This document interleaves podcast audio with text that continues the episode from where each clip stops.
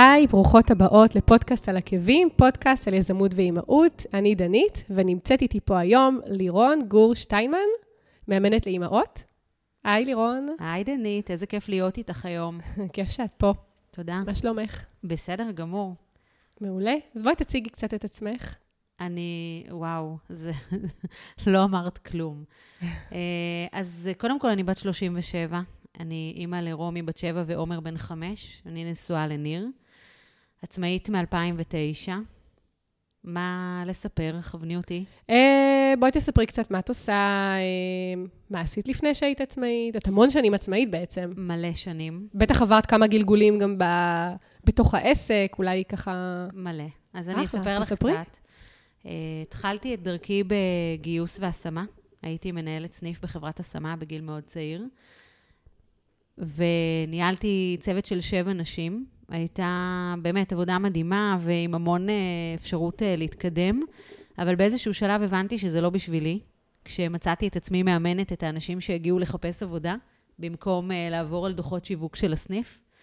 והחלטתי לעשות שינוי, לא כל כך ידעתי לקראת מה אני הולכת, ופשוט עזבתי. במשך שנה חיפשתי את עצמי, זה היה בשנת 2008, אה, עד שמצאתי את תחום האימון, שהיה מאוד מאוד חדש בארץ. אה, למדתי אימון במכון מאמנים, ביחד עם רשת אה, מכוני הכושר הולמס פלייס. הם הכניסו לתוך התכנים של הקואוצ'ינג גם פעילות גופנית ותזונה, ומאוד התחברתי לזה ואהבתי את זה. מהמקום הפרטי שלי, האישי שלי, ירדתי 40 קילו. עשיתי שינוי וואו. מאוד משמעותי. אה, בתזונה, באורח החיים, בפעילות הגופנית שהכנסתי, ו- ואהבתי את הדרך שבה הם בחרו לעשות את הדברים. כשסיימתי את הלימודים, השתלבתי ברשת מכוני הכושר הולמס פלייס, הייתי קואוצ'רית הבית. אה, בעצם אימנתי שם שנתיים, היה לי מדהים, אימנתי נשים וגברים בכל הגילאים, בכל המין, ממש עם כל, ה, עם כל סוגי הבעיות שאי פעם אה, נתקלתי בהם. ואחת התובנות המאוד משמעותיות שהיו לי שם זה שלא ניתן להפריד במעגלי החיים. אדם שלא טוב לו במעגל אחד בחיים, לא טוב לו, נקודה. אנחנו לא יודעים להשליך את הטוב. ולכן, בגלגול הראשון של העסק שלי, קראתי לו כלים. ו... והמטרה הייתה להביא לעולם כלים פרקטיים, ישימים, שאפשר uh, להשתמש בהם ולעשות איתם שינוי מאוד uh, מהיר. וזה מה שעשיתי במשך כמה שנים, עד שנולדה הבת שלי, הבכורה רומי, לפני שבע שנים. והיא גילתה לי עולמות מופלאים באימהות, ופתאום הבנתי שאימהות היא מדהימה, אבל היא לא רק. וגם אף אחד לא הכין אותי לזה שאני חוזרת הביתה עם הגוש הצורח הזה, והיא לא הפסיקה לצרוח. ואמרתי, אלוהים, מה עושים עם זה עכשיו? אין לאן להחזיר. ניר חזר לעבוד מאוד מהר, אחרי שבועיים, ופשוט אה, נשארתי איתה, עד עצם היום הזה. אין ברירה. כן, וטוב שכך, באמת אחת המתנות הכי גדולות שנתתי לעצמי. אבל באמת הביאה איתה עולם שלם של דילמות, אם זה אפילו ברמת זה שלא היה לי זמן להתקלח ולאכול, ופתאום אה, אני יוצאת עם שמפו על הראש, אבל רגע, שנייה, מישהו בוכה וצריך לטפל, ושנייה, איפה אני בתוך כל הסיפור הזה? אה, אז התחלתי לכתוב על זה, התחלתי לכתוב על האימהות שלי עם רומי, ובכלל על כל, ה... על כל הדברים שקורים לי, ולאט לאט אה, נהיה ממש אה, קהל שלם שהתחיל לעקוב אחריי, קהל של אימהות שהרגישו בדיוק כמוני. אז... אה, מפתיע, כי לפעמים מרגישים שהם מה זה לבד, ורק את מרגישה את התחושות האלה, ופתאום את מגלה שעוד אימהות מרגישות אותו דבר. אני חושבת שגם עם, אה, את יודעת, עם דור הפייסבוק, שהכל נראה נוצץ וזוהר, ואת רואה בדיוק שנייה אחת בתמונה, אבל את לא רואה מה קורה מאחורי העדשה, אז קצת התבלבלנו, הכל נראה טוב. זאת אומרת, אנשים נכון. נראים מאושרים, ו- ואת רואה אותם מטיילים, ואיזה כיף, והילדים שלהם שמחים, ואז את נוסעת לטיול עם הילדים, והם צורכים באוטו, וכל מה שבא לך זה שנייה לעצור בצד ולתפוס טרמפ עם מישהו אחר באוטו, במקרה הטוב. אז, אה, אז זה באמת נורא מבלבל, ולכן אחד הדברים שחרטתי על דגלי זה כל הזמן להגיד גם את מה שלא, את מה שפחות טוב. בואי נגיד שההורים שלי וההורים של ניר פחות אוהבים את זה באמת? מה שאתם כאילו מדברים על הדברים הפחות טובים? בפייסבוק, מול אה, כל בפייסבוק, העולם. אוקיי. אני, אני לא אשכח את הפעם ששמתי תמונה של הכלים בכיור, ואימא של בעלי התקשרה אליי, אמרה לי, אבל למה לפרסם תמונה של כלים בכיור? תשטפי די. את הכלים ואז תפרסמי. יואו, חזק, היא התקשרה אלייך? היא התקשרה אליי, כן, היא הייתה מזועזעת. אבל אני חושבת שזה גם מה שמחבר את הקהל שלי אליי. שאלת אותי מה אני עושה היום, אז היום אני מנטורית לכבר באמת אלפי נשים אה, בארץ ובעולם. יש לי את קבוצת זמן אימא בפייסבוק, שנכון להיום יש בה כמעט עשרת אלפים נשים. קבוצה מאוד פעילה. אה, נשים שקוראות ועושות המון שינויים, גם אלה שפעילות בקבוצה, אבל גם הקול השקט בה. מדי פעם, אני. איזה חברה כיף. בקבוצה. את רואה? קול הנה. שקט. וקול שקט מאוד משמעותי. אני פתאום מבינה שאני פוגשת אותן ברחוב, ואת יודעת, ופתאום אומרות לי, את לירון, אז תדעי לך שאני בקבוצה שלך, ואז אני אומרת להם, אתם מהקול השקט, נכון? איזה מהמם זה. זה מחמיא מדהים. גם בטירוף. מאוד. נותן תחושת סיפוק, אני חושבת. זה בעיקר עושה לי כיף לדעת שאני בשליחות שלי, שאני בייעוד שלי, ואני מצליחה לעשות דברים אה, מהבית שלי, מהפינה הקטנה שלי, לגעת בחיים של אלפי נשים. אז, אז יש את הקבוצה, שזה באמת האהבה והפשן הכי גדול שלי, ויש המון דברים שאני עושה בחיי היום-יום שלי, בתוך העסק שלי, אה, בגלל שיש לי את עומר שלי, שנולד עם אה, מתנת האפילפסיה, והוא אה, גרם לי להבין ש... בואי נתחיל מזה שבאמת הוא מאפשר לי ללמוד המון על עצמי ועל העולם, ובכלל על, על איך דברים פועלים. אה, אבל בגלל שכך, אה, והוא במסגרת מאוד קצרה, אז אה, גרם לי להתייעל בעבודה שלי. בעצם אני לא יכולה כבר לעבוד כמו שהייתי רגילה, תשע שעות ביום. ו, ואני חושבת שזה מה שנתן לי קפיצה בעסק. בעצם הבנתי שזה או שאני מתייעלת, או שאני פורשת אה, והולכת לגדל את אה, ילדיי. והחלטתי להתייעל, והכשרתי צוות של מאמנות שעובדות איתי, והיום אנחנו כבר נותנות מענה להרבה יותר נשים, כי זה לא רק אני לבד. וואו, זה מקסים. שזה, בעיניי זה מדהים, וזו שליחות מאוד מאוד גדולה. אה, אז אני גם מכשירה מאמנות, וחלקן נשארות לעבוד איתי, וחלקן פונות לדרכן העצמאית.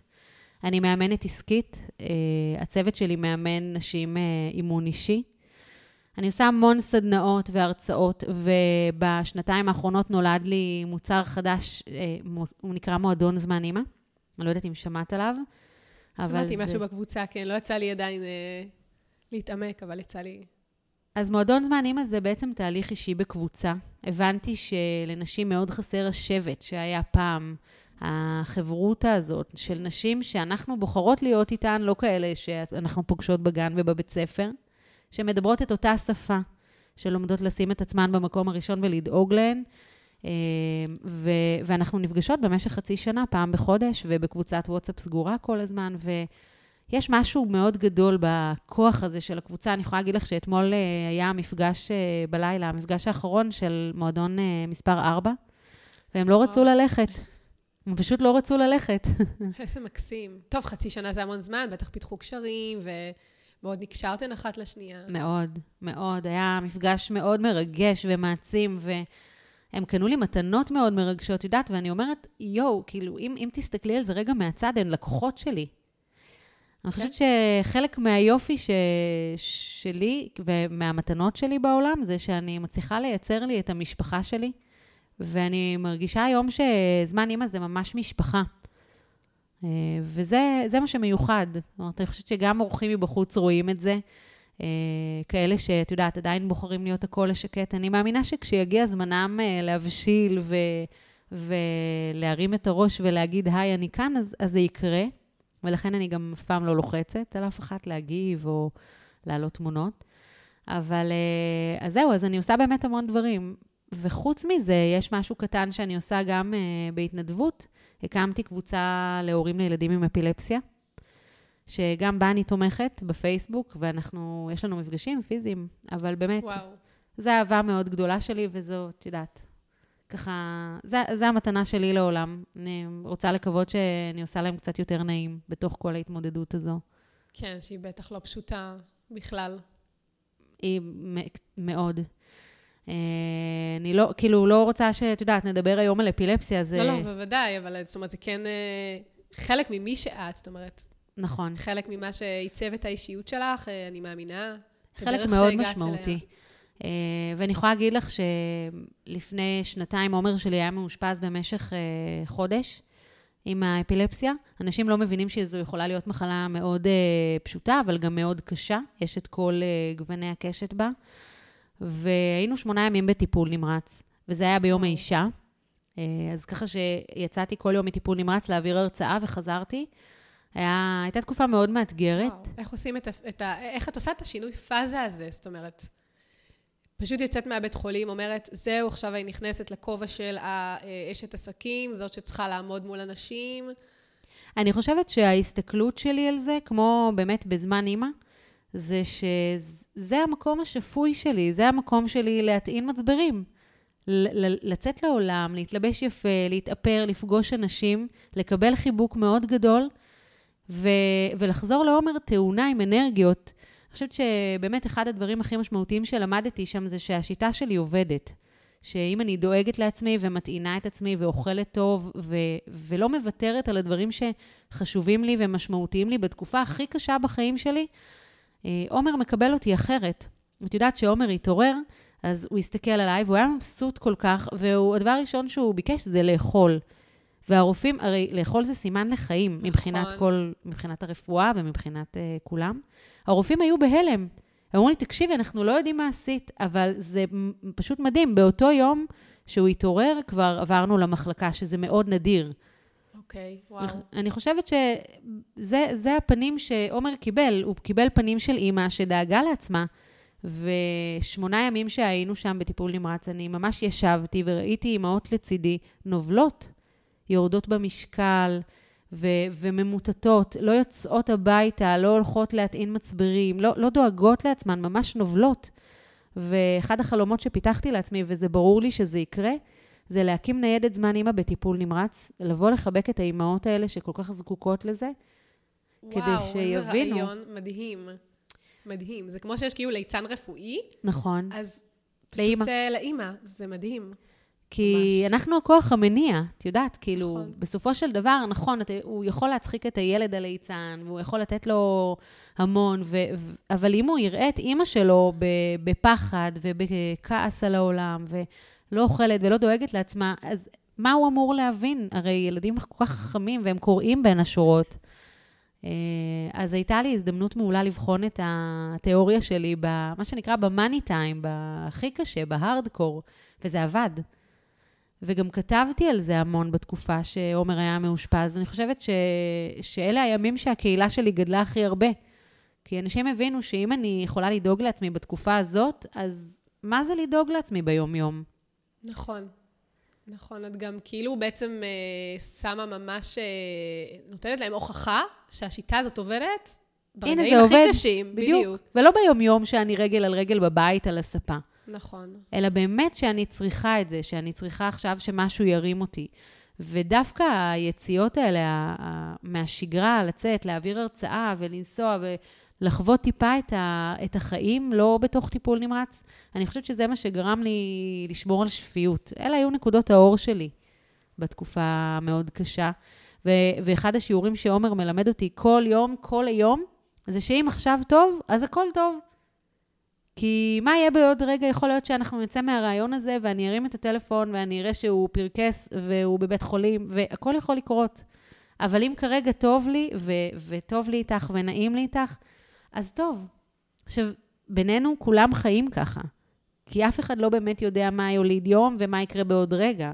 רק אצלנו זה פשוט, אה, את יודעת, זה in your face כל הזמן, אז, אז זה מאלץ אותי כל הזמן להודות על הרגע, להגיד, וואו, עכשיו טוב, איזה כיף, אנחנו ביחד, או איזה כיף שהוא בגן, בשגרה. את יודעת, דברים שאנשים רגילים לא עוצרים להודות עליהם. נכון. רגילים, את יודעת, אנשים שחיים חיים נורמליים. פחות, אה, כן, נכון. פחות אינטנסיביים. פחות אינטנסיביים, נכון, זו המילה. לגמרי. ו- וזהו, אז באמת היום אני, אני יכולה להגיד לך שבכל הרצאה שאני מעבירה, אני מקריאה פוסט שכתבתי בתקופה שהיינו מאושפזים. שחזרתי ביום שישי בערב הביתה, והבית היה ריק. רומי הייתה, אני אפילו כבר לא יודעת איפה, היא הייתה או אצל החברים או אצל ההורים. אה, ניר היה בלילות אה, במשמרת לילה עם עומר, ואני חזרתי הביתה ולא הייתה כביסה, ולא היו כלים בכיור, ולא היו צעצועים על הרצפה. ו- וכתבתי איזה פוסט מכונן שבאמת הגיע לעשרות אלפי אנשים בכל הארץ והעולם, ועד היום לפעמים הוא, את יודעת, אנשים מקפיצים אותו, אמ, כי הוא באמת נותן פרופורציה. את יודעת, על מה אנחנו בוכות? על הכביסה, על הכלים בכיור? בחייאת, כאילו... כן.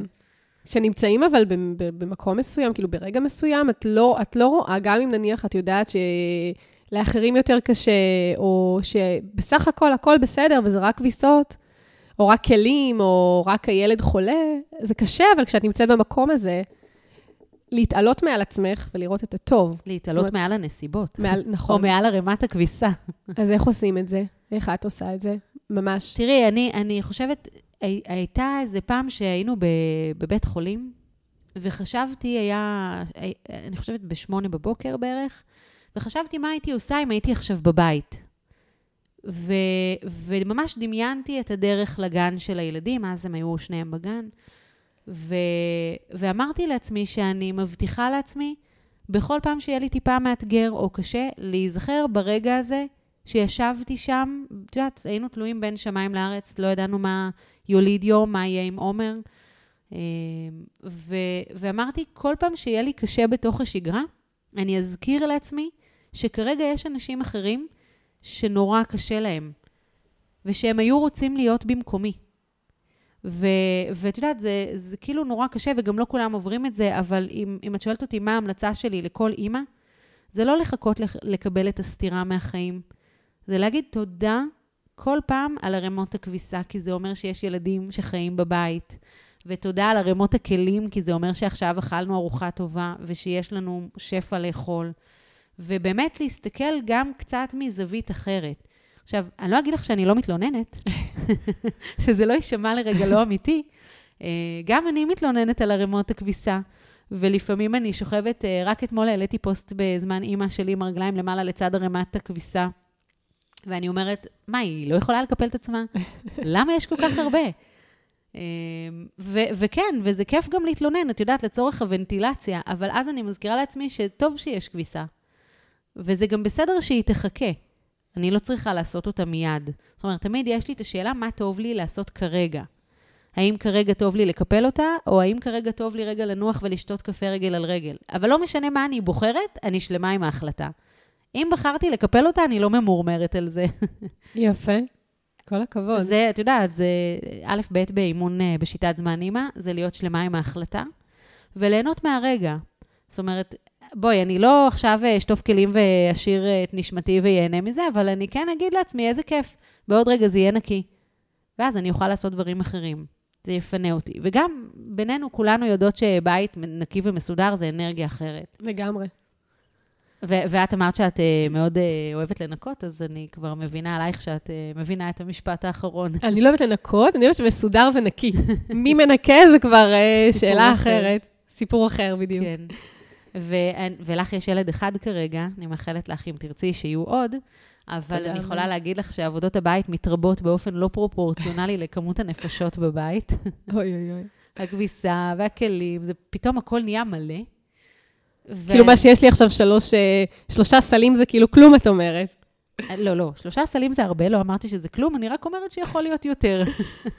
אבל uh, את יודעת, אני מסתכלת עליהם ואני אומרת, איזה כיף, איזה כיף שאני יכולה להלביש להם בגדים נקיים, ולא ממקום, את יודעת, כזה שחצני וללה לנד שאני חיה, כי אני לא חיה בללה לנד, אני מאוד פרקטית, ואני uh, מבינה שאימהות שונאות את עבודות הבית, והכול בסדר, גם אני לעיתים מתעבת אותה מאוד, וטוב שיש את בעלי ששותף בהם, ואני יכולה גם להשאיר לו לפעמים. אה, אבל בסופו של דבר, אני אומרת, זה הכל עניין של נקודת מבט. כאילו, אם אני עכשיו בוחרת לקפל את הכביסה, אז אני אעשה מזה כיף, אני אשים לי מוזיקה ברקע, ואני אעשה לי כוס קפה, ואני אשתה, ואני אה, אשתף את הילדים בזה, שירגישו גם חלק מעבודות הבית, ויבינו שהכביסה לא מגיעה באופן uh, עצמוני לארון שלהם מקופלת. היא עברה תהליך עד שזה קרה. אה, לא משנה שאת יודעת, אה, זה גם אה, עוד נושא שלם לשיחה של לשחרר, כי כשהם מביאים את הכביסה לארון, הרי היא לא מגיעה לפי צבעים ובצורה שבה את קיפלת. נכון. אבל עדיין היא בארון. ו, ובאמת, הכל, הכל עניין של פרופורציה ו, והשקפה ונקודת מבט, ואני חושבת שאני כותבת על זה, אלה הפוסטים שמקבלים הכי הרבה תעודה. כל המקום הזה של תגידו תודה, אתן בריאות, הילדים שלכם בריאים, זה כל כך לא מובן מאליו. ואני נכון. אומרת לך את זה בתור מי שמלווה הורים לילדים עם צרכים מיוחדים כל יום, כל היום. אפילו ללכת לגן, את יודעת, הדברים הבסיסיים. יש ילדים שלא יכולים ללכת לגן. אם אין להם סייעת, ואם הסייעת חולה, אז הם נשארים בבית. כאילו, גם אנחנו חיים בתוך זה. אני רואה אותך עושה ככה כן עם הראש. כן, לא, כי אחרי שבאמת אה, היינו שבוע בבית, כולנו ככה חולים, אז פתאום ללכת לגן, כאילו זה, זה כאילו היה משהו שבשגרה, כי כל יום, אוקיי, גן, הלוך, חזור, ופתאום אחרי ששבוע היה קאט כזה, כאילו קאט מהחיים, כי כולנו היינו פה וחולים, ולא עשינו שום דבר חוץ מלנסות להבריא ולנוח, אז פתאום אפילו הדבר הקטן הזה של לשים את הילד בגן, זה כאילו... זה עולם ומלואו. כן, ממש. ואת יודעת, ממש. גם ההסתכלות נהיית אחרת. את יוצאת החוצה ואת אומרת, איזה כיף השמש, ואיזה כיף הדרך לגן. את יודעת, הדברים הקטנים האלה, אז אני, אני אומרת, אני לא צריכה להגיע עוד פעם ל, לאותה תקופה כדי ללמוד להעריך אותם היום בדרך. ואני גם כותבת על זה, כי אני יודעת שיש המון נשים שקוראות, ויכול להיות שאצל מישהי זה יעשה סוויץ' בחשיבה, אם לא, אפילו, את יודעת, הכי קטן, זה כבר שינוי של עולם ומלואו. בסופו של דבר, אני אומרת שלנו טוב, אז לכולם מסביבנו טוב. ואנחנו כל הזמן צריכות לחשוב ולעצור רגע ולהגיד, מה יעשה לי טוב? עכשיו, עכשיו, ברגע הזה. מה יעשה לי טוב? את יודעת, זה, זה יכולה להיות תשובה אפילו מאוד דבילית, כמו לאכול. לא דבילי בכלל. ללכת לעשות פיפי. את יודעת כמה אנחנו מתאפקות? כן, כן, מכירה את זה. מכירה את הבעיה? נראה לי כל אישה מכירה את זה. את יודעת שפעם היה לי, אה, עשיתי שרשור בקבוצה של זמן אימא, על כל הנושא הזה של הלהתאפק, ועלו שם דברים מדהימים. כמו? נשים, למשל, שאלתי שאלה כמו, אה, אם, אתן, אם עכשיו אתן צריכות לצאת, ואתן יודעות שאתן ממש על הקשקש, תעצרו לרגע לשירותים או לא תעצרו לשירותים? ומלא נשים כתבו לא. את יודעת, ואז אני תוהה לעצמי, באמת, כי אם אני מסתכלת על, על תרבות הנהיגה, למשל בארץ, אנשים בחוסר סבלנות מוחלט, מקללים, חותכים, ויכול להיות שכל זה קורה כי הם לא הלכו לעשות פיפי לפני שהם יצאו לדרך. נכון. ואמרו את זה כבר גדולים ממני, את יודעת, מדרג הצרכים של מאסלו, שקודם כל הצרכים הבסיסיים, וזה חלק בלתי נפרד. לאכול, לשתות, לישון טוב בלילה, זה כל כך בסיסי. ואנחנו, האימהות, לא ישנות טוב בלילה מהרגע שאנחנו הופכות להיות אימהות, ולא משנה בני כמה הילדים שלנו. אז uh, אנחנו באמת נאלצות לחיות בתוך סביבה שהיא מאוד מאתגרת, כי אם אני לא מלאה בעצמי, כמו הסוללה של הנייד שלי, אז איך אני אמורה לתפקד ולהיות סבלנית ומכילה? נכון. הרי הוא מגיע, הוא מגיע מהגן, זה לא מעניין אותו שלא ישנתי בלילה או שלא אכלתי, הוא רוצה אימא שתהיה איתו. Uh, ולכן אני, את יודעת, זו השליחות שלי מבחינתי, לגרום לאימהות באמת לדאוג לעצמן, כי אני יודעת שאימא שדואגת לעצמה היא אימא טובה יותר גם ל- לילדים שלה, גם היא בת זוג טובה יותר. ואם בעקיפין גרמתי לפחות שיעורי גירושין, אז מבחינתי הבאתי בשורה משמעותית לעולם. Uh, היום כל זוג שלישי בארץ מתגרש, שזה סטטיסטיקה... מטורף. מטורפת. וגם הנקודות ש, של הגירושים זה אחרי חתונה, אחרי לידה של ילד, uh, וכשהילדים עוזבים את הבית. אם אנחנו לא דואגות uh, לתפעל אותנו ואת הזוגיות שלנו לאורך הדרך, אז זה מה שקורה. אנחנו מוצאות עצמנו עם פרטנר שאנחנו לא מכירות. נכון. לגמרי. אה, אז, אז זה, זה חלק בלתי נפרד. לדאוג, אה, לדאוג לעשות לעצמי טוב, זה בהכרח אומר שאני אהיה אימא טובה יותר, שאני אהיה בת זוג טובה יותר, שאני אהיה הרבה יותר אפקטיבית בעבודה שלי כעצמאית, שאני אספיק הרבה יותר. ואז אני אהיה מאושרת. זה, את יודעת, שבסופו של דבר באנו לכאן כדי ליהנות. אנחנו פה לזמן מאוד קצוב, אף אחד לא יודע כמה, ומאוד קצר. ומבחינתי, לא לנצל כל יום שעובר זה ממש אפילו על גבול החוצפה. האמת שנכון, יש אנשים שאין להם את הפריבילגיה הזאת, וכשאת במקום החשוך שלך, ש... שאת בדיכאון כרגע, או משהו מציק לך, ואת מתוסכלת, אז לא רואים את זה. את חושבת רק על כמה שלך רע באותו רגע. נכון, ו- וזאת המטרה שלי, להגיע לכמה שיותר נשים, ולגרום להן להבין שהן יכולות לעשות לעצמן טוב יותר. וככה דיברנו באמת על, ה- על העסק, אז אני יכולה להגיד לך שאני מלווה היום כמנטורית עסקית המון בעלות עסקים, ואני רואה קודם כל ש- שזה תמיד מתחיל ב- בהבנה שזה בסדר ומגיע לי לעשות לעצמי טוב. אפילו ברמת העסק, נשים לא, לא יוצאות מהבית כי הן צריכות עכשיו לעשות כביסה וכלים. אז פינית לעצמך את הזמן לעבוד, אבל במקום לעבוד, את עושה עבודות בית. אז, אה, אז, אז העסק לא יכול להתרומם בצורה כזאת. אז קודם כל, באמת, להתחיל מנקודת האפס של מגיע לך. מגיע נכון. לך לעבוד. וזה גם, את יודעת, זכות בסיסית, בואי, כאילו, לא המצאתי. אז uh, אני, אני רגע ככה אמשיך ואני כן. אגיד שאחד הדברים, כשעומר נולד, אז עומר uh, השני שלי, נהיה לי המון עומס. אפרופו עבודות בית, ודיברנו על זה שעבודות הבית מתרבות, ו- ותהיתי לעצמי שני דברים. אחד, איך אני מנהלת את כל העומס הזה, והדבר השני, זה איך אני יכולה להיכנס לכל בית בלי להיכנס פיזית לכל בית. כי אני לא באמת יכולה להיות בכל בית, למרות שזאת נכון. השאיפה והרצון. ואז אה, נולד הלוח שלי לניהול זמן משפחתי, השעה 25, ש... שבעצם הוא מאגד את כל השיטה שאיתה אני עובדת. אה, וזה ממש לוח שהוא גם מגנטי וגם מחיק, שמתכננים עליו את כל הלו"ז של כל המשפחה, ויש בו מגנטים של זמן אימא וזמן אבא, וזמן איכות עם כל ילד. ככה, אפרופו אה, אה, לנהל את היום, ו, ואם אנחנו רוצות רגע לדבר גם על עצמאיות, אז איך, אה, איך לייעל את התהליכים ולדאוג לזה שבמהלך היום אנחנו באמת נעבוד ולא נעשה דברים אחרים, זה בהכרח אומר שאנחנו צריכים לעשות תיאום ציפיות משפחתי. וזה מה שהלוח עושה בעצם. אוקיי, okay. אבל זה מאוד מאוד, זאת אומרת, זה נשמע מעולה, אבל זה בפועל מאוד מאוד קשה אה, לקבוע לוח זמנים, כשפתאום, אה, בוא נגיד, ילד אחד חולה וטורף את כל הקלפים, או פתאום אה, משהו קורה. מה פתאום? אצלנו אין בלת"מים. יש תכנון, וזה מה שקורה. זהו, כאילו, אני באמת לפעמים, אני, אני עושה באמת את, ה, את העניין הזה של ה... תכנון זמן, ואז, בגלל שיש משהו שקורה, שטורף את כל הקלפים, אני אומרת, טוב, אז נוותר על, על התכנון זמן הזה, כי זה לא באמת עובד. זאת אומרת, למה לתכנן? נכון, למה? זאת אומרת, כן מתכננת לעצמי, אולי אני, אני יותר לא חיה מיום ליום, אבל מתכננת לעצמי את היום, קמה בבוקר, רואה, אוקיי, כולנו בריאים, הילד הלך לגן, אז עכשיו אני אתכנן מה אני אעשה היום. את אומרת, אני אלך על ה basic. כן. קודם כל נראה שהוא בגן, ואחר כך נתכנן את הלו"ז. בדיוק. כי אז מאוד קשה, כאילו, זה גם יוצר, לפחות אצלי, לפעמים איזשהו תסכול, של אה, תכננתי לי לו"ז שלם, הכל נראה מאוד יפה ככה אה, לקראת השבוע שהולך להיות, ואז בום, כי זה מה שקרה שבוע שעבר, שום דבר ממה שרציתי שיקרה לא קרה. אז, אה, אז קודם כל, אני מסכימה איתך, ואני מכירה את זה כל כך טוב. את יודעת, אה, אצלנו על אחת כמה וכמה, תחשבי שעומר מפרכס כמה פעמים ביום. ביום? ביום. אה, אוקיי. זאת אומרת, מספיק שהוא קיבל מכה אחת לא טובה, ואנחנו, אה, וכל הלו"ז משתנה. עדיין, אני תמיד אגיד שאם אני רוצה שדברים יקרו, אני חייבת לתכנן אותם.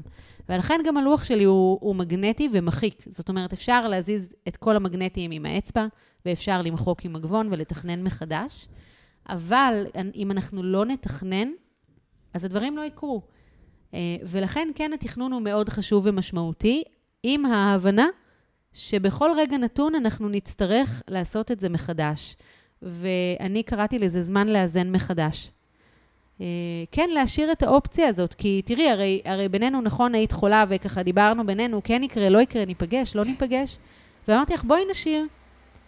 ותראי בערב איך את מרגישה. עכשיו, אני בטוחה שגם את וגם אני היינו מוצאות מלא מה לעשות אם אה, לא היינו נפגשות היום. ברור.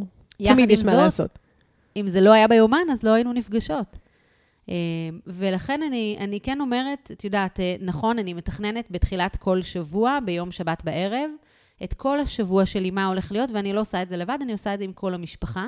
כל אחד יודע... איזה מגניב, הם שותפים ל... הם, הם שותפים, ולא רק שותפים, הם גם, את יודעת, כל אחד יודע מתי יש לו את הזמן שלו, מתי יש חוג, מי לוקח את מי, מה צריך להביא לבית ספר, יש יום המשפחה, יש יום האהבה, יש, צריך להביא עבודה, צריך להכין שיעורים, אז הכל רשום על הלוח. ואם משהו קורה, יש את, תודה לאלוהי הקלירינג, יש קלירינג בוקר. כל בוקר אנחנו יושבים לעשות uh, מה שנקרא חישוב מסלול מחדש. כי זה שהכל רשום על הלוח זה נחמד, אבל מספיק, את יודעת, למשל, אני עובדת עם אנשים, מספיק שמישהו חולה, או שהבן של מישהו חולה, כן. אה, ואז הכל משתנה. ולכן אני, אני בכל יום מחדש אעשה את הקלירינג הזה, ואשב ואתכנן מחדש ויאזן מחדש, ומספיק שיקרו 50% מהדברים שתכננתי, אז אני כבר במקום טוב. גם ההבנה הזאת שאף פעם זה לא יכול להיות מושלם. אף פעם זה לא יהיה בדיוק כמו שתכננתי, אני לא אספיק אף פעם את כל מה שרציתי, אבל אה, בסוף היום, בלילה, כשאני הולכת לישון במיטה, אני לא מסתכלת על מה לא. כי מה לא, אני, אני יודעת, אנשים יודעים לעשות את זה באופן מאוד טבעי, וזה מה שאנחנו עושות. אנחנו נכנסות בלילה למיטה, אנחנו חושבות מה לא הספקתי. למי לא התקשרתי, אה, מה אני עוד צריכה לעשות מחר, מה אני אעשה על הבוקר, מה אני אעשה בערב. זאת אומרת, אנחנו... הראש תמיד עובד. הרבה רעש בראש. כן. ו- ואני באה ואומרת, במקום זה, אני מסתכלת שנייה על היום שהיה לי, ואני אומרת, איזה כיף, הספקתי לפגוש את דנית היום, הספקתי להיות בחולון, הספקתי להכין לי ארוחת בוקר לדרך, וואו, איזה מדהים. אני לא מסתכלת על מה לא הספקתי, כי תמיד יהיה כזה. וטוב שכך, שיהיה לי מה לעשות מחר. אה, מקסים. א- איך אבל הצלחת לסגל לעצמך? באמת, כאילו, החשיבה החיובית הזו והלהסתכל על הטוב, זה משהו שהוא מאוד מאוד קשה לעשות. זאת אומרת, אני מאמינה קודם כל שזה שיש לך את הקבוצה והתמיכה והמקום באמת שאת יכולה להיפתח בפניו, זה גם משהו שאני חושבת מרגיל אותך אולי באמת לחשוב בצורה כזו. תראי, זה עניין של אימון. כן. ככל שמתאמנים יותר, זה, זה שריר שהולך ומתעבה. אני לא, לא נולדתי אה, למשפחה שמדברת חשיבה חיובית. אה, ו, ואגב, היום נגיד, אני רואה מאוד משמעותית את ההבדלים בינינו. אה, אני מתאמנת בזה כל יום, כל היום, גם בקבוצה, כמו שאת אומרת, אני כותבת את זה, ואני כותבת על זה. ובאופן כללי, תמיד אני אומרת שהעסק שלי הוא, הוא סוג של אה, ריפוי לנפש בשבילי. אה, וגם קבוצת זמן אימא, קבוצת זמן אימא, החיבוק שאני מקבלת שם הוא באמת אינסופי, ולפעמים כשקשה לי זה המקום היחידי שבא לי לכתוב בו, אה, וגם כשטוב לי, כי, כי באמת, יש שם, נוצר איזשהו קשר מאוד יפה, שהוא מאוד כמו משפחה. אז במקרה שלי אני יכולה להגיד שמשפחה כן בוחרים. בחרתי לי את משפחת זמן אימא ויצרתי אותה, ואני מתאמנת שם על כל הכלים שאני מלמדת, וזה עובד. ואני לא אגיד לך שתמיד אני מצליחה לעשות את זה. יש ימים שאני גם בוחרת לא להשתמש בזה ולהיות רגע בבאסה שלי, גם זה חשוב. חשוב, כן. אה, אבל אני כן יכולה להגיד ש- שככל, את יודעת, זה כמו שאת הולכת לעשות אה, עכשיו כפיפות בטן, ואת מצליחה לעשות רק ארבע. ככל שתתאמני, את תוכלי להעלות את הסבילות ולעשות, אם מחר תאכלי חמש ומחרתיים תאכלי שש. זאת אומרת, כל הזמן השאיפה היא לעבות את השרירים, ו- ואז באמת במצבים, הרי מתי אנחנו באמת משתמשות בכלים וצריכות אותם? לא כשהכול טוב ויפה וכיף לנו וטוב לנו, אלא כשהגענו ליום סגרירי, הנה, ראי טיפול נמרץ. הנה, הנה המאני טיים, בואי נראה אותך עכשיו משתמשת בכלים שלך. את יודעת, אני שמתי לעצמי יעד שיישמע מאוד קיקיוני להרבה נשים, ואפילו לי, כשהייתי בטיפול נמרץ, אמרתי, אני לא יורדת במשקל. וואו, שבדרך כלל אה, זה משהו שפחות אה, נפוץ להגיד, אני חושבת. אני לא יורדת במשקל, כי הרבה נשים... אה, ישמחו לרדת כן. זהו, זאת אומרת, אבל לא בנסיבות וואו. האלה. נכון, כן. את בדבר, הרי מה שקורה לנו כשאנחנו במוד של הישרדות, הגוף במוד של חיסכון באנרגיה, ואז אנחנו לא מרגישות רעב. והרבה נשים באמת לא אוכלות בתקופה הזאת ויורדות המון במשקל. אני אומרת לך, אני ראיתי לצידי נשים שירדו ארבע וחמש מידות ב- בתקופות מאוד קצרות. וואו. ואני ממש שמתי לעצמי יד לא לרדת במשקל, וממש לא היה לי תיאבון. אגב, את יודעת איך הרגשתי שאני רעבה? נהיה. לי נורא קר. באופן מאוד קיצוני, השיניים וואו. שלי נקשו. כן, וואו, אוקיי. כי הגוף שלנו מאוד חכם, והוא יודע להגיד לנו אם אנחנו רק יודעות להקשיב. אה, אז, אז עמדתי במטרה שלי, לא ירדתי במשקל. היום אני כן אשמח, אבל את יודעת, מי לא? וואו, ממש ממש מקסים. אז אה, אני אחזור ככה קצת אחורה. אז בעצם אה, נעשה ככה שינוי פאזה. אז בעצם העסק שלך, את אומרת, עבר הרבה הרבה, הרבה גלגולים. זאת אומרת, כמה גלגולים בעצם עד שהגעת למקום שבו... שבו הוא היום, שבו הוא היום בעצם. אימא. אוקיי. אז מה עשית? זאת אומרת, מה... תשתפי ככה בתהליך אולי, מה ש... את יודעת, זה נורא מצחיק, כי בעצם כשיצאתי מ Holmes Place ומיתגתי את העסק שלי ובניתי לוגו, וממש עברתי תהליך של לבנות חזון ולאן אני רוצה להגיע, ובחרתי לקרוא לעסק שלי כלים, כי זה מה שנתתי. ועם הזמן והדרך, זה לא כל כך עבד לי, כי זה היה נורא גדול. עכשיו, מה זה כלים? למי את פונה? מי קהל נכון, היעד שלך? זה בדיוק נורא לא מה שבאתי מוגדר. לשאול. זאת אומרת, מה, את, את הגדרת את עצמך בתור בעצם מאמנת, מאמנת. לאיכות חיים. לאיכות חיים, אוקיי. ואני נתתי כלים. ובאחד מהגלגולים ש... שעשיתי בניסיונותיי להבין איפה משווקים ואיך משווקים, הצטרפתי לקבוצת נטוורקינג לכישורי אימהות, ובקבוצה הזאת עברתי את שיעור חיי. אוקיי. כי נשמע באותה מעניין. קבוצה ישבה עוד מאמנת, והיא לא הסכימה שאני אהיה תחת הטייטל הכללי הזה.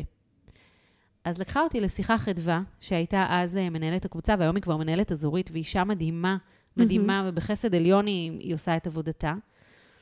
ואמרה לי, תקשיבי, את צריכה לבדל את עצמך, כדי לא לדרוך לאף אחד על יבלות, וגם זה יעשה לך יותר קל בחיים. ואמרתי לה, אבל מה אני אעשה? היא אמרה לי, את כותבת הרבה על אימהות, מה את אומרת? אולי תהיי מאמנת לאימהות, אולי נתמקד בזה, לפחות בקבוצה. ואת יודעת, האינסטינקט שלי היה להתעצבן ולהגיד, רגע, אני צריכה לשנות את כל העסק שלי, כי לה זה לא מתאים. וואו. אבל אני יכולה להגיד לך שזו הייתה המתנה הכי גדולה שקיבלתי בקריירה שלי. כי ברגע שהתמקדתי בקהל יעד של אימהות, אז היה לי כבר, א', מאוד טבעי, גם לדבר אימהות וגם, אה, וגם לאמן אימהות. והדבר השני, באמת אה, להחליט לאן אני רוצה ללכת עם זה. אם, אה, כי, כי בסופו של דבר זה תפסת מרובה לא תפסת. נכון. בדיוק למדנו אה, פתגמים, אני והבת שלי, לאליפות העברית בבית ספר. וואו, דיברנו- נשמע מעניין. כן, מדהים. אז דיברנו על אה, טוב ציפור אה, אחת ביד, משתיים על העץ, זה בדיוק זה. נכון. אה, ובאמת, אה, לימים אני יודעת להגיד שזה מה שככה גרם לי מאוד אה, להתפקס ולייצר לעצמי את הנישה שלי, גם נישה שלצערי עדיין לא מספיק מטופלת פה בארץ, ואין הרבה נשים שעושות את זה. אה, זה מן הסתם גם לטובתי, אבל גם, אה, את יודעת, הייתי רוצה שיהיו יותר, ולכן היום אני כן דואגת ממש לעשות אה, קורס, ואני מכשירה מאמנות ש... שיעבדו ביחד איתי ותחת הכובע הזה, ויפגשו עוד אימהות. אני מבינה שאני לא יכולה לפגוש את כולן. נכון. יפה, זה גם, זאת אומרת, גם באיזשהו מקום זה באמת ה... היכולת גם לשחרר מזה שאת רוצה לעזור לכולם ולא יכולה, אז בואו לפחות ניצור שליחים שבאמצעותם אה, יעבירו את המסר שאני רוצה להעביר, או שיגעו נכון. באנשים שאני רוצה. תראי, גם ייסדתי שיטה, שזה מדהים עם, עם, עם הדרך שלי בעצם, עם, עם כל האימונים. אימנתי מאות אנשים, ותוך כדי שאני מאמנת, אני כבר, זה כבר ברור לי שאני עושה את זה בדרך שהיא שלי, ולא באימון המסורתי כמו שאני רגילה, או כמו שרגילים, או כמו שלמדתי. וכשיצרתי את הלוח שדיברנו עליו לניהול זמן משפחתי, אז יצרתי את השטנצים המגנטיים הקטנים, ואמרתי, אני חייבת שהכל ייכנס באותו דבר. ואז אמרתי, אוקיי, אם יש זמן אימא, אז יהיה גם זמן אבא, ואז יהיה זמן חוג, ויהיה זמן כביסה, זמן מטלות בית, זמן רופא. ו- וככה נולדה שפה. ממש שפה חדשה, שהיום אני רואה אפילו מפרסמים משתמשים בה. היום קיבלתי במייל פרסומת זמן ספה. אה, באמת? אוי, בחיי? אה, וראיתי שגם ויסוצקי השתמשו בזה, והם עשו זמן ויסוץ קידס לילדים. אה, זה ממש נולד כשפה, ואני רואה המון אנשים שמשתמשים בזמן, ו... ואני... ויש זמן אימא ויש לוח, ו... וכשנולד הלוח הלכתי ליחצנית. ואמרתי לה, אני רוצה שתעזרי לי ליחצן, אני רוצה למכור את הלוח בכל בית בארץ.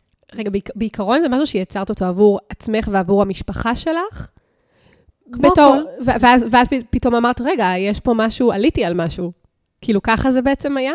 לא, כי אני אמרתי לך שמעבר לזה שרציתי לסדר לי את הלו"ז, רציתי גם להיכנס לכל בית בלי להיות בו פיזית. אה, הבנתי, אז זה חלק ואז מאותו... אמרתי, כן, אני, זה, זה היה חלק מאותו חזון של להעביר את זה הלאה. זאת אומרת, כן לייצר לעצמי משהו שיסדר לי את הלו"ז המשפחתי, ולהעביר את זה הלאה. והגעתי לאותה יחצנית ואמרתי לה, תשמעי, אני רוצה שתעזרי לי, אני רוצה שכל בית בישראל יכיר את הלוח שלי.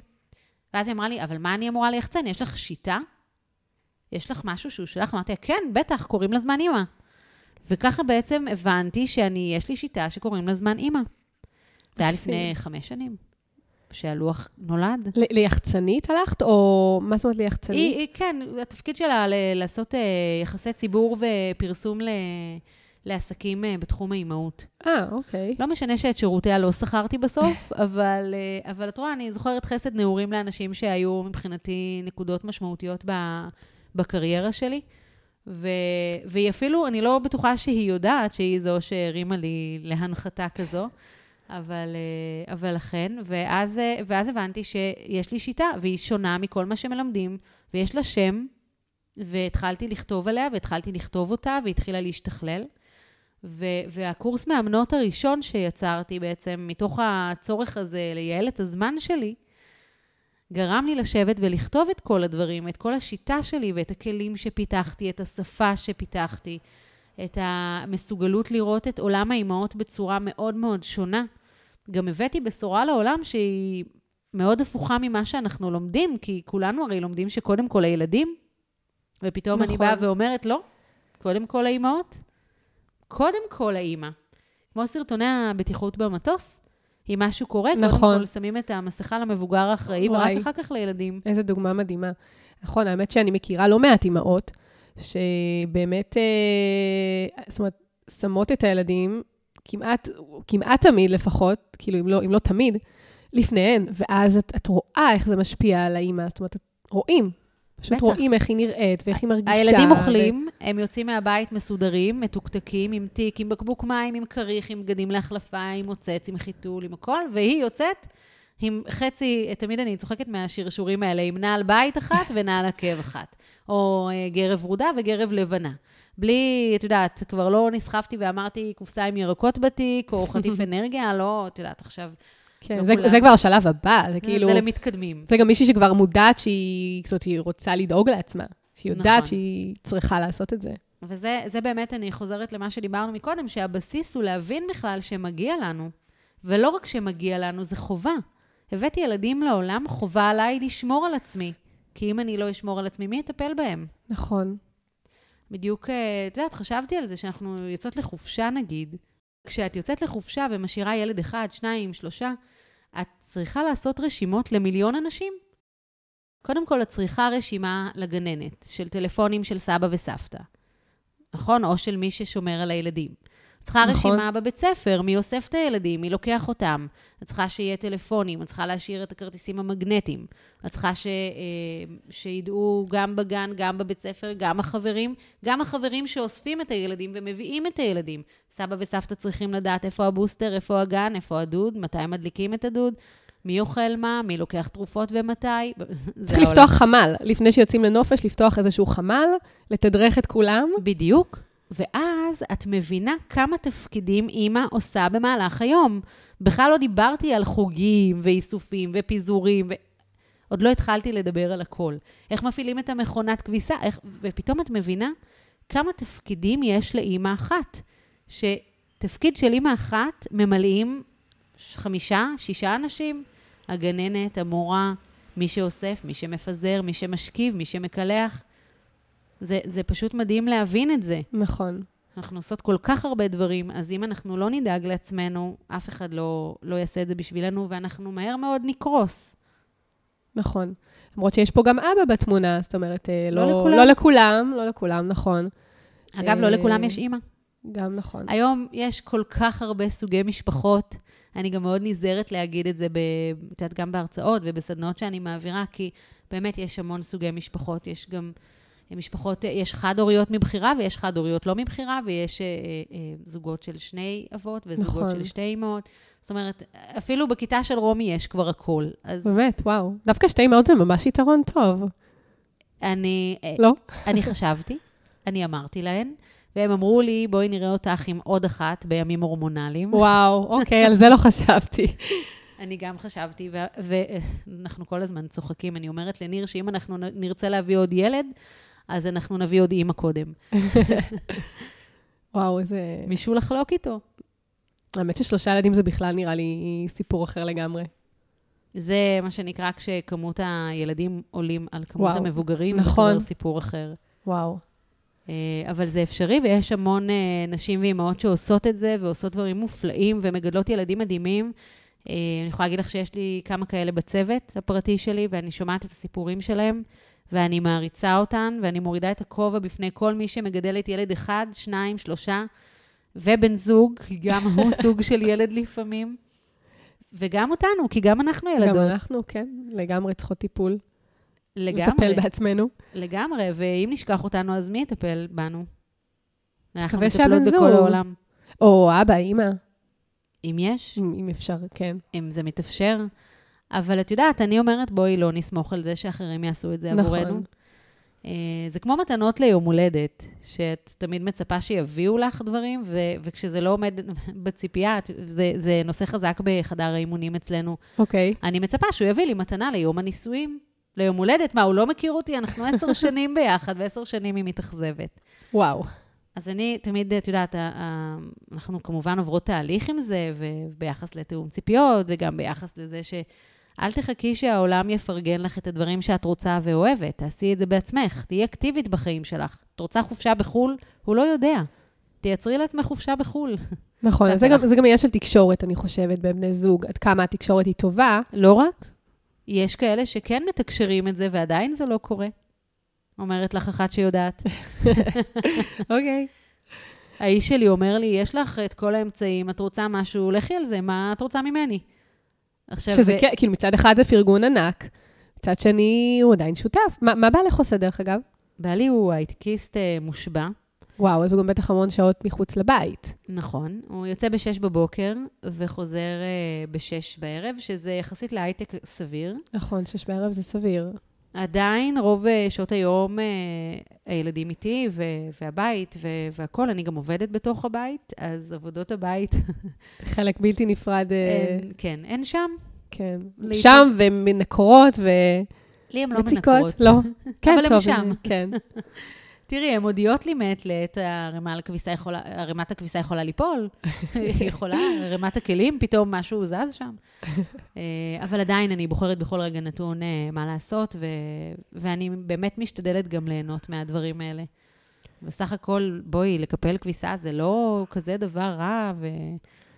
האמת שלא, אני לא, לא סובלת מקיפול כביסה, אבל אה, אולי באמת עדיף להשאיר את זה לשעות שאפשר, כאילו, לא לעשות את זה על חשבון העבודה, אלא מול הטלוויזיה, או... בוודאי שלא מול ה... בוודאי שלא בשעות העבודה, וגם לא בשעות הפנאי.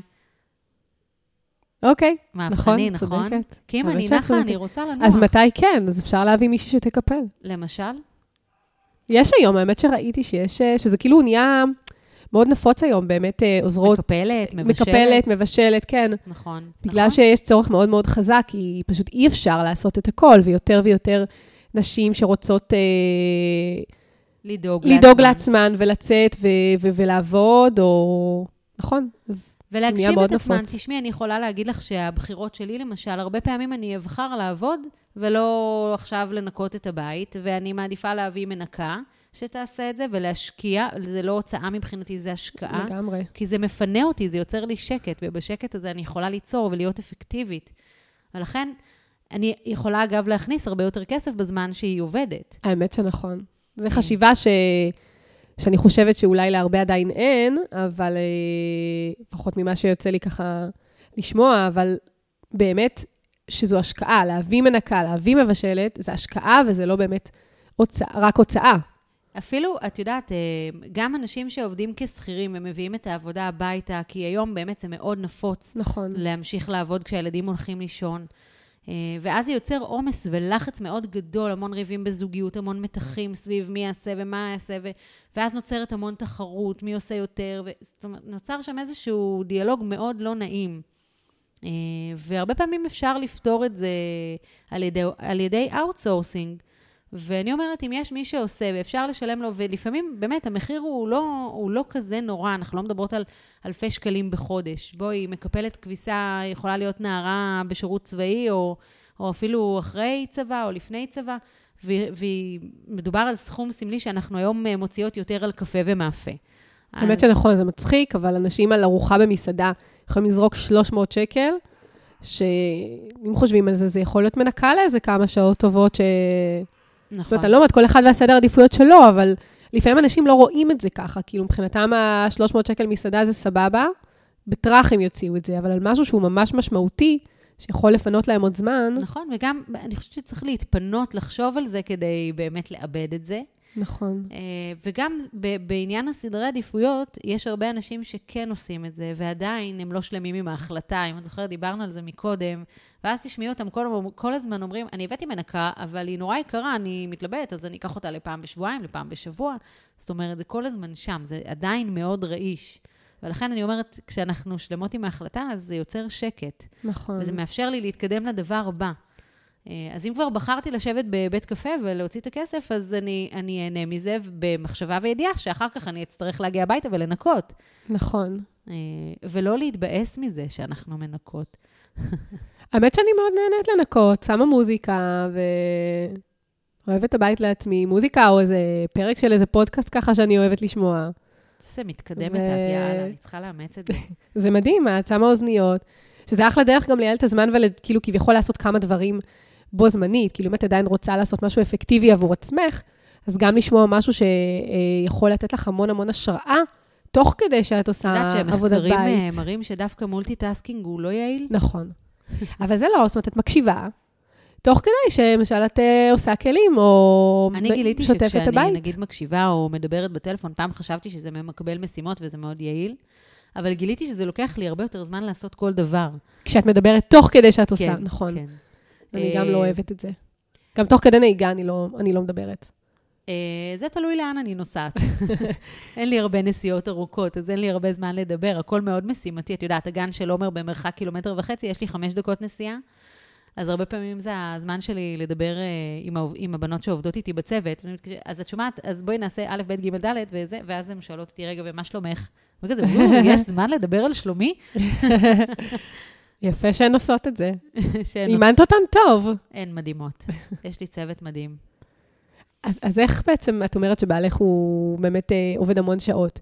בעצם גם את כל ההקמה של העסק, או בוא נגיד העיצוב של העסק, ואיך שהוא היום, והמיקוד שלו בעצם בנישה, בוא נגיד, של האימהות, כי היא מאמנת לאימהות, אה, זה משהו שבעצם בנית אותו אה, תוך כדי שאת גם המטפלת העיקרית בבית, ותוך כדי שאת אה, פחות או יותר מפקדת על הכל? נכון. ככה זה נשמע? אני מפקדת על הכל מאז שנולדתי, ככה אימא שלי אומרת. אז אני כבר די מומחית בזה. אבל כן, זה לגמרי, תשמעי, כש, כשהילדים אה, נולדו, והם די צמודים סך הכל, יש ביניהם שנתיים ושלושה חודשים הפרש, זה היה משבר מאוד גדול, כי פתאום הייתי צריכה ללמוד מחדש ל- ללכת את כל הדבר הזה ולצעוד אותו, ו- ו- וכבר, את יודעת, זה לא הכל בשליטתך, כמו שאמרת, והלו"ז משתנה בכל רגע נתון. אה, ואני חושבת שלמדתי לעשות את זה, ואם את שואלת אותי מה הטיפ הכי טוב שלי, אז זה באמת לשחרר. לא לעשות הכל, או לנסות לעשות הכל. לקחתי אנשי מקצוע שעובדים ביחד איתי, שעושים ביחד איתי. אה, הרבה אנשים, למשל, אני רואה שמנסים לבנות את האתר שלהם לעצמם, שמנסים לעשות אה, עריכת אה, סרטונים. עכשיו, תראי, אם זו אהבה מאוד גדולה שלהם, אני בטח לא אגיד להם לא לעשות את זה. אבל אה, לא לחסוך על זה כסף, אלא באמת להשתמש בזה כמשהו שהוא אה, השקעה ש, שיפנה אתכם לדברים המשמעותיים באמת, וגם לשים גבולות מאוד ברורים, זה משהו שהיה לי מאוד מאוד חשוב. אה, ברמת זה שאני לא עונה לטלפון כשאני עם הילדים, ואני אה, לא אה, מטפלת בילדים כשאני עם לקוחות. אה, אני יכולה להגיד לך שלפעמים הבחירה הזו משתנה, אבל היא משתנה במודע. אם יש אה, פרויקט מאוד גדול, אם יש עכשיו אירוע שאני מקימה, בדצמבר האחרון היה לנו אירוע באמת אה, גדול ל-120 נשים, ו- ואין מה לעשות, כל הבית יודע שהוא מגויס לקראת זה, אבל הילדים מאוד נרגשים, הם גם עוזרים לי בתוך זה, והם חמודים, הם גם יחסית גדולים, זאת אומרת, הם גם באמת יכולים אה, להירתם. לא נולדו גדולים. לא, לא, ברור. את אומרת, את מדברת על אירוע שהיה יחסית כן. לא מזמן. זאת אומרת, זה שלב שאולי הם יכולים באמת אה, להיות שותפים. הם יכולים להיות שותפים, את יודעת, בדברים מאוד... דברים אה, קטנים, ברור. כן, כמו למשל לארוז את הכוסות שלנו, את הלוחות, ופה באמת הם עזרו לי בצורה מדהימה לארוז דברים ולספור, ורומי כותבת על הארגזים כמה יש, ו- חמודה. ולארגן את כל הדברים, ויש רשימה, והיא עוברת על הרשימה, לראות שהכל בתוך המזוודה, ובאמת, אז בקטעים האלה, את יודעת, גם אה, זה גורם להם להיות שותפים, וזה גם מאוד עוזר לי. אה, ו- וכן, אני, אני, את יודעת, הרבה שואלים אותי איך אני מספיקה לעשות הכל, אז אני לא. אני גם לא מנסה להספיק לעשות הכל, שזה, אני חושבת, אה, הייחודיות. ואני מבינה שבתקופות כאלה אני לוקחת יותר עזרה, אני קונה אוכל מוכן, אני מביאה את המנקה יותר, אני מביאה יותר עזרה מבחוץ, אם זה ההורים, שאת יודעת, אה, הם לא תמיד שם והם לא תמיד עוזרים, אבל כשאני מבקשת אז הם באים, וגם למדתי לבקש. זה גם חשוב. וגם למדתי מאוד לקבל. מאוד חשוב. נכון שזה גם מאוד חשוב. כן. Uh, תשמעי, זה עולם ומלואו, באמת, כל הסוגיות שנולדות בתוך האימהות, רגשות אשם, ו... ולשחרר, ולקבל, ולהבין שה... שהדברים לא תמיד בשליטתנו. ולכל דבר שאני אומרת לך פה, uh, ממש ילדתי כלי. Uh, נשארתי קצת עם הכלים, אה, כי אין מה לעשות, בכל זאת אני משימתית ופרקטית, ודיבורי לה לנד זה נחמד ומדהים, ו... נכון, בפועל הפרקטיקה. בפועל אנחנו, כן, אם אנחנו לא צועדות את השינוי ברגליים, זה לא קורה. תני לנו איזה כלי, ככה. וואו, אני... זה מסקרן, פשוט מאוד מעניין. אה, קודם כל, לתת כלי, את יודעת, אנחנו יכולות לדבר עוד שעה נפרדת רק על הכלי, אבל אני כן יכולה להגיד לך שיצרתי כלי ל... ל... לכל הנושא הזה של רגשות האשם ואיך להתמודד עם זה בשלושה שלבים פשוטים. כן. אני אשמח לשלוח לך את הלינק ותעלי את זה לבנות פה אז אולי באמת אני... כי זו הדרכה של שעה. אה, אוקיי. זה ממש ממש נשמע מעניין ומסקרן. אה, ומאוד משמעותי לכל אימא. אה, אני התוודעתי לרגשות האשם כשרומי נולדה. בלילה הראשון, אני חתמתי על ביות מלא, הייתי, קצת חייתי בלה לנד. וואו. ש... כן, אני, מה זאת אומרת? אני ילד, וילדה שלי תהיה מהממת ולא תבכה, והיא רק תישן עליי, ויהיה לי כיף ונעים, ובואי, ילדתי. והיא לא הפסיקה לצרוח, והלכתי איתה הלוך וחזור במסדרונות בית החולים, וכאבתי, והייתי עייפה, וניר כבר היה בבית בשלב הזה, כי גירשו אותו ממחלקת היולדות. ו... ואחות ניגשה אליי ואמרה לי, לירון, תקשיבי, אם את רוצה להישאר שפויה, לכי בבקשה, שימי את הילדה בתינוקיה. נכון. והלכתי, ובכיתי את נשמתי. איזה אימא נוראית אני. הרגע הבאתי את הדבר הכי יקר לי בעולם, והנה אני מוסרת אותה למחסניה, למחסן, למחסן התינוקות. ל... איך אני עושה את זה? והנה נולד uh, רגש חדש, רגשות אשם. ועם השנים והאימון וכל הכלים שפיתחתי, הייתי חייבת להבין מה, מה קורה שם ב, בכל המקום הזה. וזה המון מדובר בכל, בכל אימון כמעט. הרי למה אנחנו לא יוצאות? למה אנחנו לא עושות לעצמנו? למה אני לא אעצור לאכול כשהילדים שלי עכשיו בבית? בדיוק מהמקום הזה, מה זה אומר עליי? איזה אימא אני? אז מה, אני אימא גרועה? אני יושבת לאכול כשהילד שלי פה, כאילו, ואני לא אתן לו קודם? כן. אה, ואגב, זה, זה חלק אה, מאוד מהפכני בגישה, שאני תמיד אומרת, קודם כל, תאכלו אתן. ו- ואז תהיו הרבה יותר סבלניות שהם מפילים את הכפית על הרצפה, כשהם עורכים את הגבינה על, ה- על השיש. זה יהיה הרבה לגמרי. פחות אה, נפיץ. ממש, ממש ככה.